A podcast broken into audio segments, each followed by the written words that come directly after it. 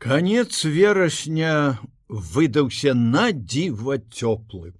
Здавалася, вярнулася лета, сапраўдная небабіна, зацвіталі вішні, у лесе быў небывалы ўраджай грыбоў.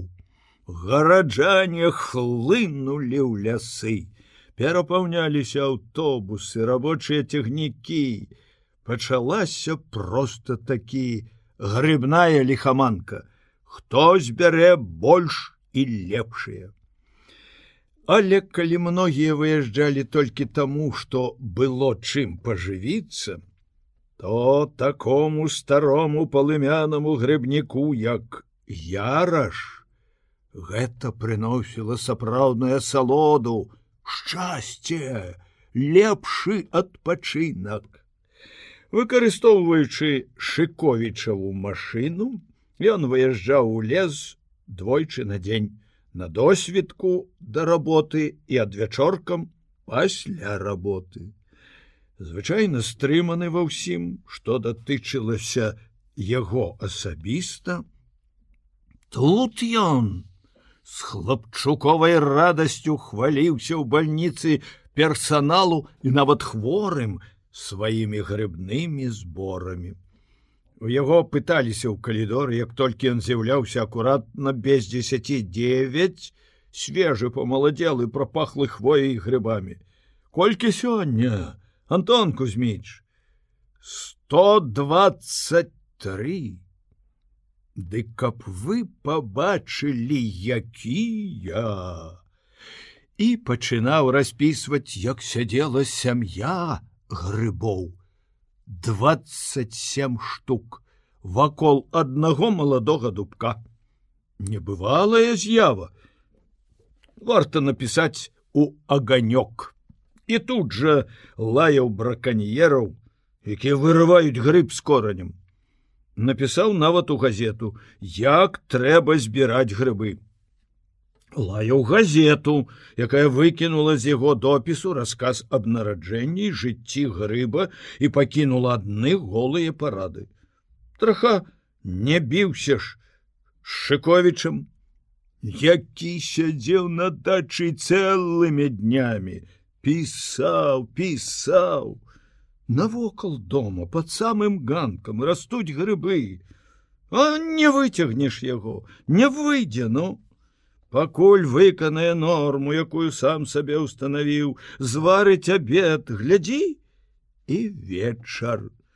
Голова дубовая, куды ты спяшаешся? Ну хто цябе гоніць у шыю? Хопіць у цябе часу, а грыбы адзін тыдзень і не будзе іх. Які ты да д'ябла пісьменнік, калі не адчуваеш такого хараства? О, ты не ведаеш, які я грыбнік. Але мне здорово працуецца ў гэтыя дні. Пахаладае, зноў будзе крызіс, ведаю. Прыходзіцца выбіраць. І пахадзіўшы сябрам гадзінку, Кірыла кідаўся да рабочага стола.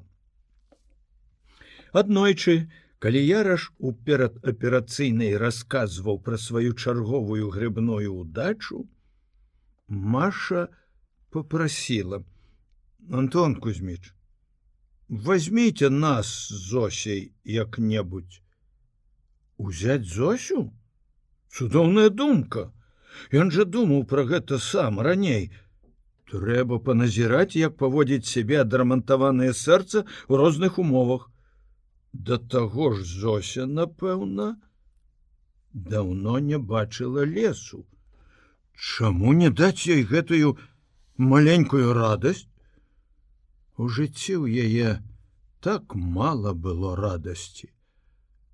Але тут жа мільганула думка пра жонку, даведаецца, зноў будуць непрыемнасці, узяць яе з сабой, з-за гордасці не паедзе а ўсё адно будзе хвалявацца перажываць подазраваць не лепш няхай не ведае яму стало сорамна ад сваіх ваганняў.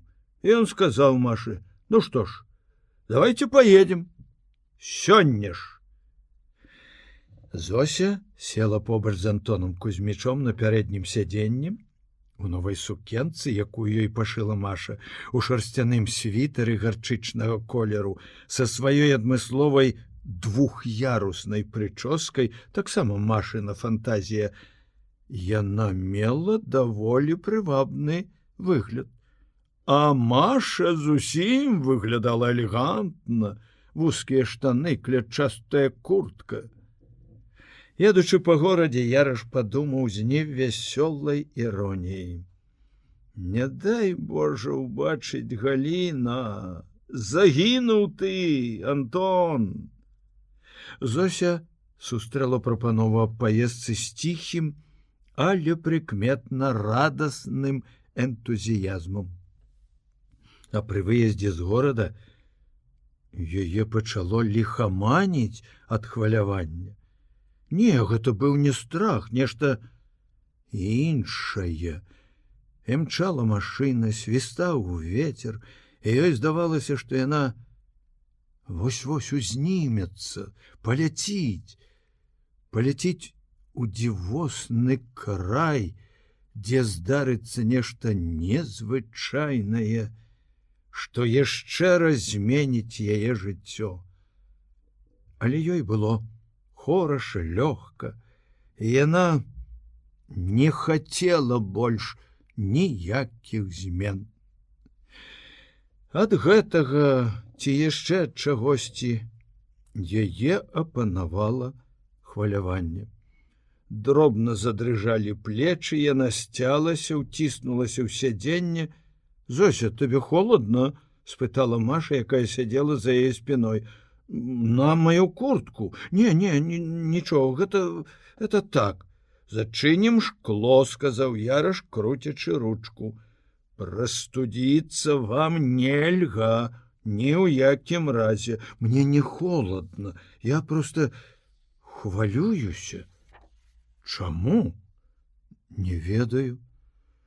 Што ж урэшце не так ужо цяжка зразумець душэўны стан чалавека, які вярнуўся да жыцця і ўпершыню пасля такой хваробы і аперацыі, выязджае за горад у лес, яраш пажартаваў.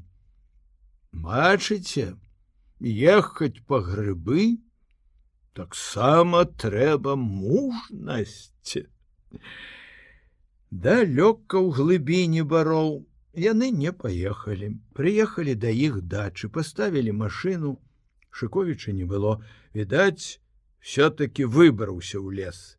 Маша в якой з грыбамі звязаны радасныя і горкія ўспаміны. У першыя пасляваенныя гады грыбамі і за грыбы яна карміла ўсю сям'ю. Адразу ж кінулася ў лес як у вір.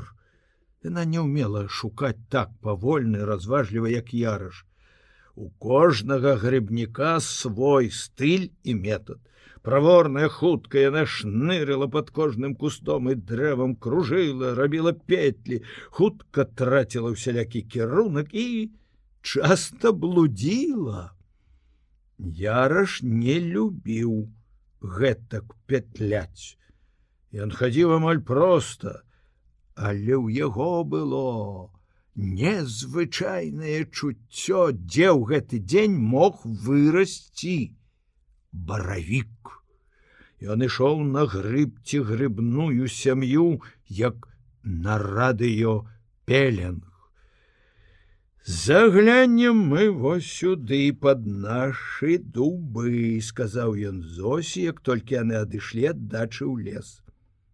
Яна зразумела яго словы, як запрашэнне хадзіць за ім. Сапраўды я раш хацеў, каб яна была побач. Яна ішла крокаў за дзесяць ад яго каля самага вогнішча, дзе яны палілі ўсё лета касцёр, на сцежцы под дубам яраш убачыў першы баравік. Невопытны грыбнік ніколі не падумаў бы, што ён мог вырасці ў такім вытаптаным месцы. Баравік быў на дзіва прыгожы, як знарок вырашчаны на паказ. на тоўстым белым корані крамяная цяжкая на выгляд шляпка светлая бурштынавасць што выцякала з-пад нізу залаціла кромку паступова цямнела і пераходзіла ў масляністы цёмна-карычневы колер. Толькі цераз самую макаўку праходзіла тоненькая пераламаная светлая полоска. А мабыць ляжала галінка Яраш спыніўся за два крокі з выглядам чарадзея моўчкі пальцам паклікаў зосю сказаў Вось ён. Бачыце? Она угледзела здзівілася. І попрасіла як маленькая.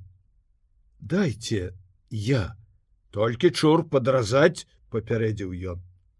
Яна прысела, асцярожна падрэзала, падняла яго і, любуючыся, засмяялася, ціха і радасна, зусім як дзіця. І ярашу таксама зрабілася надзвычай хораша ад гэтай яе маленькай радасці. Ён азірнуўся навокал і адразу ўбачыў другі грыб, нахіліўся, падрэзаў, а во яшчэ адзін. Трэці, дык быццам сам падскочыў пад руку, а во яшчэ. Ах, ужо зайздрастнахнула Зосі яшчэ больш узрадавалася, калі нарэшце сама угледзела грыб, подняла яго, показала: « Глядзіце, які, як хлопчык. Сапраўды баравічок быў маленькі і вясёлы падобны на таго малога гарэзу у якога заўсёды кепка сунута на бок як хлопчык гэтыя словы запалі ярашу ў памяць і ён падумаў аб тым што акрамя ўсяго іншага гэтая немаладая ўжо жанчына не ведала радасці мацярынства. Трэба будзе пазней паказаць яе левіну і шувалавай. Яго калегі лепшыя ў горадзе тэрапеўт, спецыяліст па сэрцу і гінеколог. Няхай скажуць: можна ёй радзіць. Ён падумаў гэта з бацькоўскім клопатам, як пра дарослую дачку і даў ёй як малой як часта даваў Наташы калі браў яе сабою ў лес адной вытаптаць пятачок на якім нарадзілася грыбная сям'я. Зося ўзяла яшчэ тры ці чатыры грыбы далей яраш верны свайму метаду рушыў проста затрымліваючыся толькі ў тых мясцінах, дзе нейкая асаблівая інтуіцыя подказвала тут будуць грыбы і амаль не памыляўся. Зося ішла збоку за колькі крокаў здаралася чамусьці так што ёй усё часцей часцей пачалі трапляць грыбы. Бадай больш чым яму ярашу ён пажартаваў. Дык вы грыбнічка недзе далёка ззаду гукнула Маша. Яраш пачакаў, што адкажа Зося. Яна не адказвала. Ён адгукнуўся жартаўліва, пісклявым жаночым голасам. Маша, не пазнаўшы, пачала клікаць настойліва. Ося! Тон міч! Яраш гукнуў сваім сапраўдным голасам, і дзяўчына змоўкла. Яны ішлі па прачышчаным бары. Месца тут уздоўж лугу узгоркавае. Магчыма, некалі ў дагістарычны перыяд у сто разоў больш магутная рака намыла гэтыя высокія пясчаныя дзюны, на якіх пасля разумныя людзі пасадзілі лес. На грэбнях узгоркаў раслі адны сосны, не дужа старыя, роўныя, высокія, чыстыя, красуні адна в адну. Адвячоркавае сонце залаціла іх медныя ствалы, лёгкі ветер гойдаў гнуткія верхавіны, за якія, здавалася, чапляліся лёгкія хмары, што плылі на ўсход ад сонца насустрач ночы. На зямлі, укрытай сухой гліцай, ляжалі дзівосныя карункі святла і теню. А ў нізінах побач соснамі раслі дубы. Зрэдку бярозы яны згушчалі лес, і на зямлі ляжаў густы тень. Але под дубамі часцей трапляліся грыбы. Можа, на нейкі час яраш забыўся на здароўе свае напарніцы і ішоў залішне хутка. Ап'янелая ад хвойнага і грыбнога водару ад сонца і шчасця, Зося раптам спынілася, паставіла на зямлю торбачку і прытулілася спіною да сасны. Антон Кузьміч занепакоіўся. Можа, ёй блага, але яна заплюшчыла вочы і засмяялася, разводзячы вакол сябе руками грыбоў. Ой, колькі грыбоў! гэты яе зусім дзіцячы смех, уяўленне радасць, відаць і сталі прычынай таго нечаканага ўчынку, які зрабіў яраш. Ці, можа, яго ўласная радасць і залішняя дужасць? Яны стаялі перад самым крутым узгоркам. Сосны, агаляючы свае фантастычныя карэнні, здавалася лезлі на самое небо можно было повернуть назад можно было обысці по нізіне але ярашу хацелася прабрацца на прасцяг узлезці на гэтую лясную гару але ж не даваць такую нагрузку яе сэрцу. Я ўзнясу вас туды а назад мы пойдзем по лузе не паспела яна запярэчыць як ён ускінуўшы яе сумку у свой вялікі кош лёгка як колькі год назад малую наташку подхапіў яе на руки яна войкнула устрапянулася але не вырвалася прыйти ціхла. З'явілася пачуццё, якога яна не ведала. Яшчэ адна тайна жыцця, якая адкрывалася ёй. Ніколі не трымаў яе вось так мужчына, здаровую і шчаслівую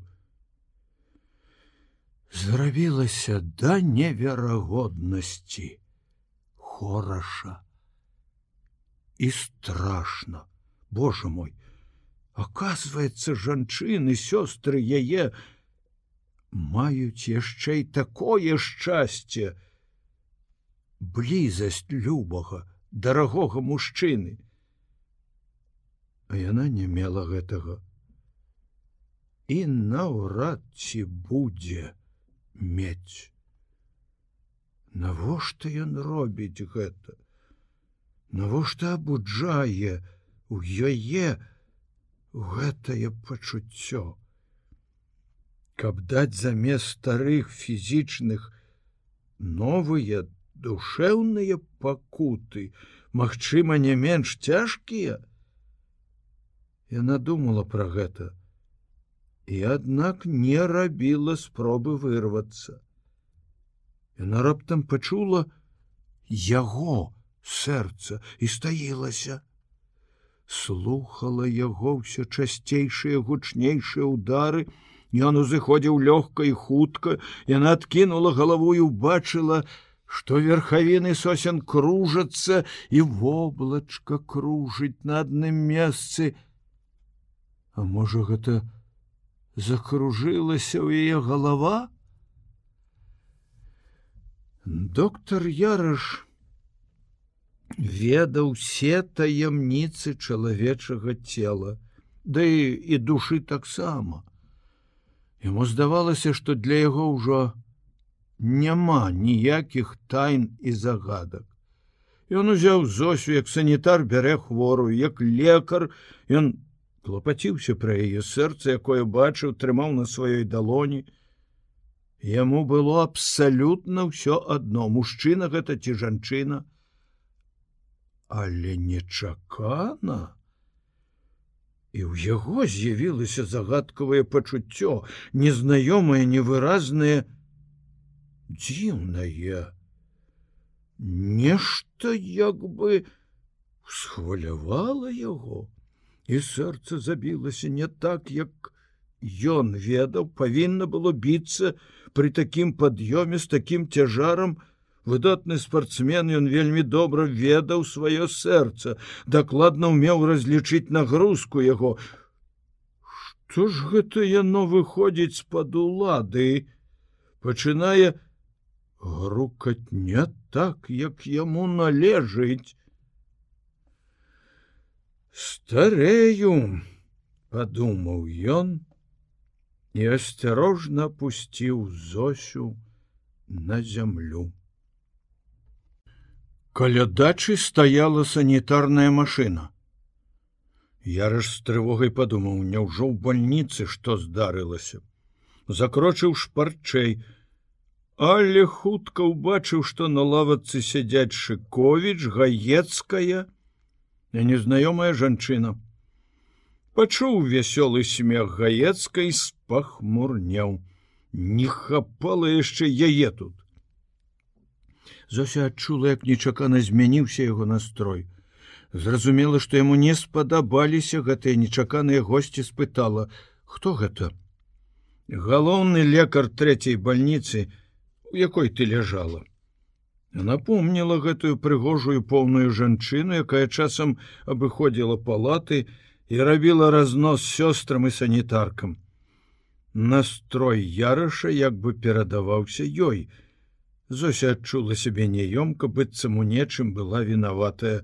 Яраш сказаў дурная баба і подлая гэта яшчэ больш збянтэжыла зосю. Быццам ёй даверылі тайну ведаць якую зусім не трэба нават небяспечна.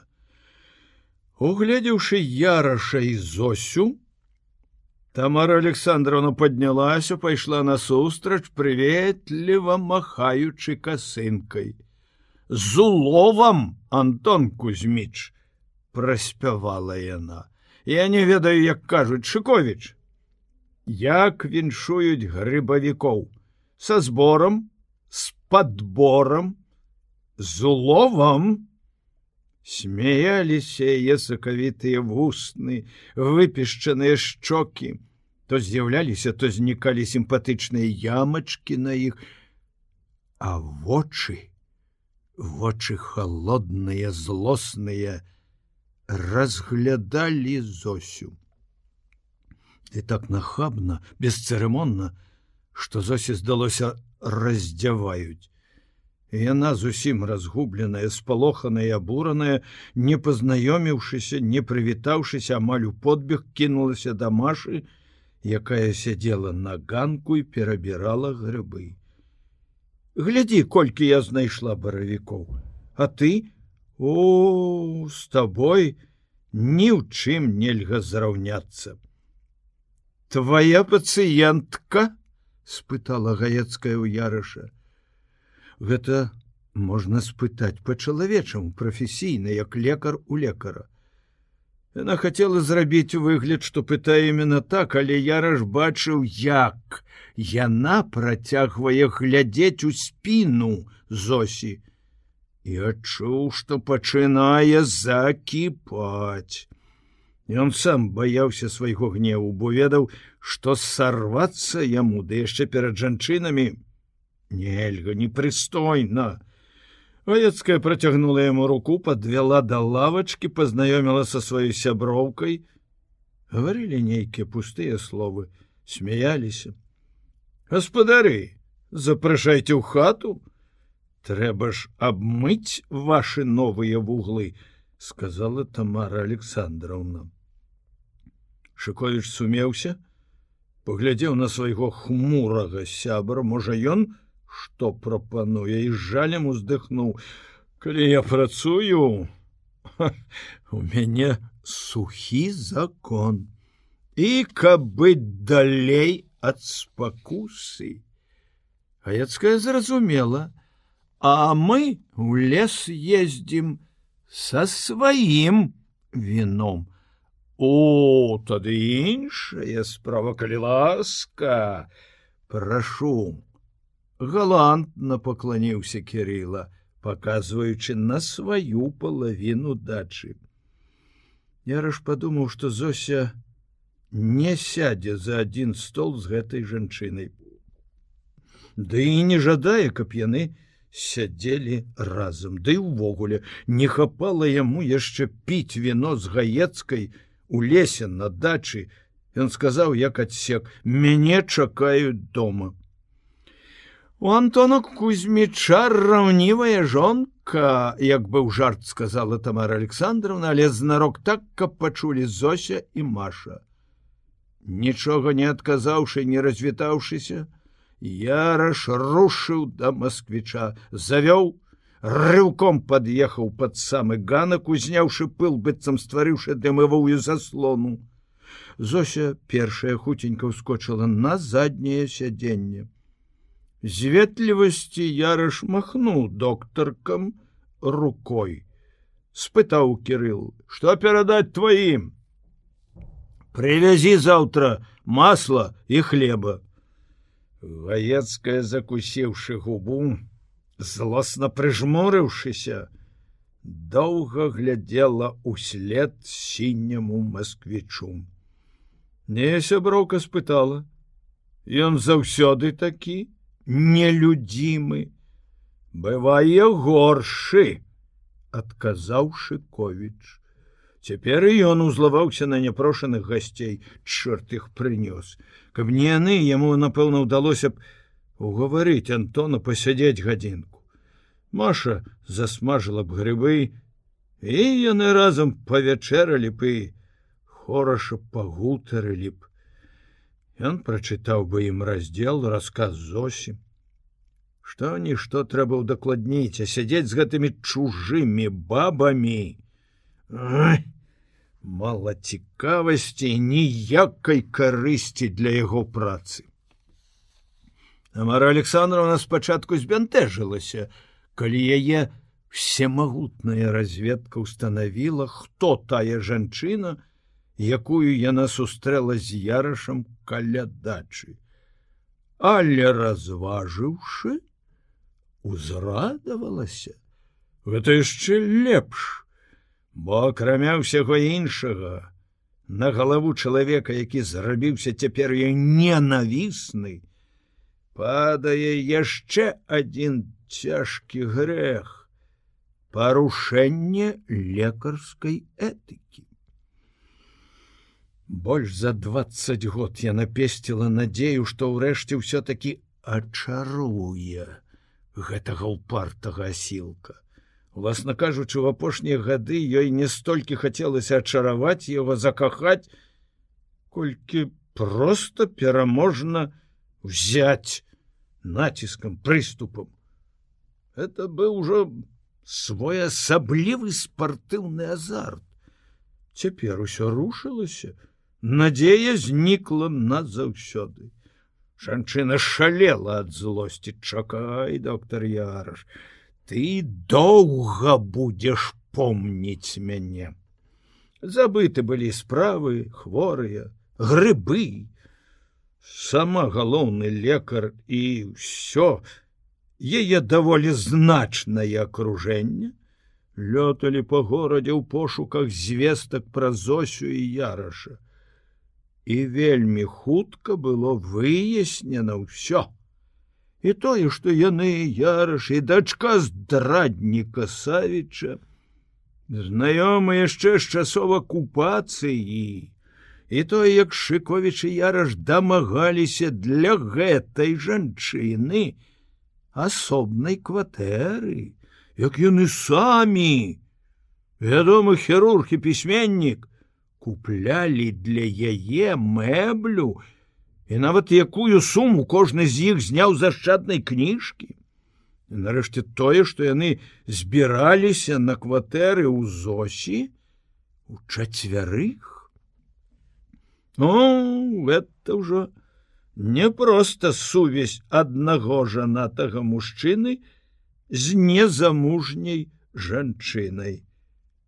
Тут значна большая групавое маральнае разлажэнне.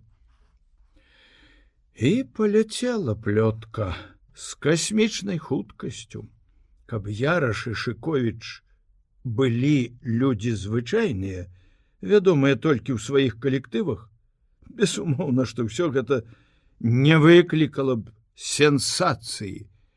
Але абодвух у горадзе добра ведалі, а таму все праяўлялі да такой навіны незвычайную цікавасць. Адны злараднічалі, другія, галоўным чынам замужнія жанчыны, абураліся, трэція, у потай зайздросцілі.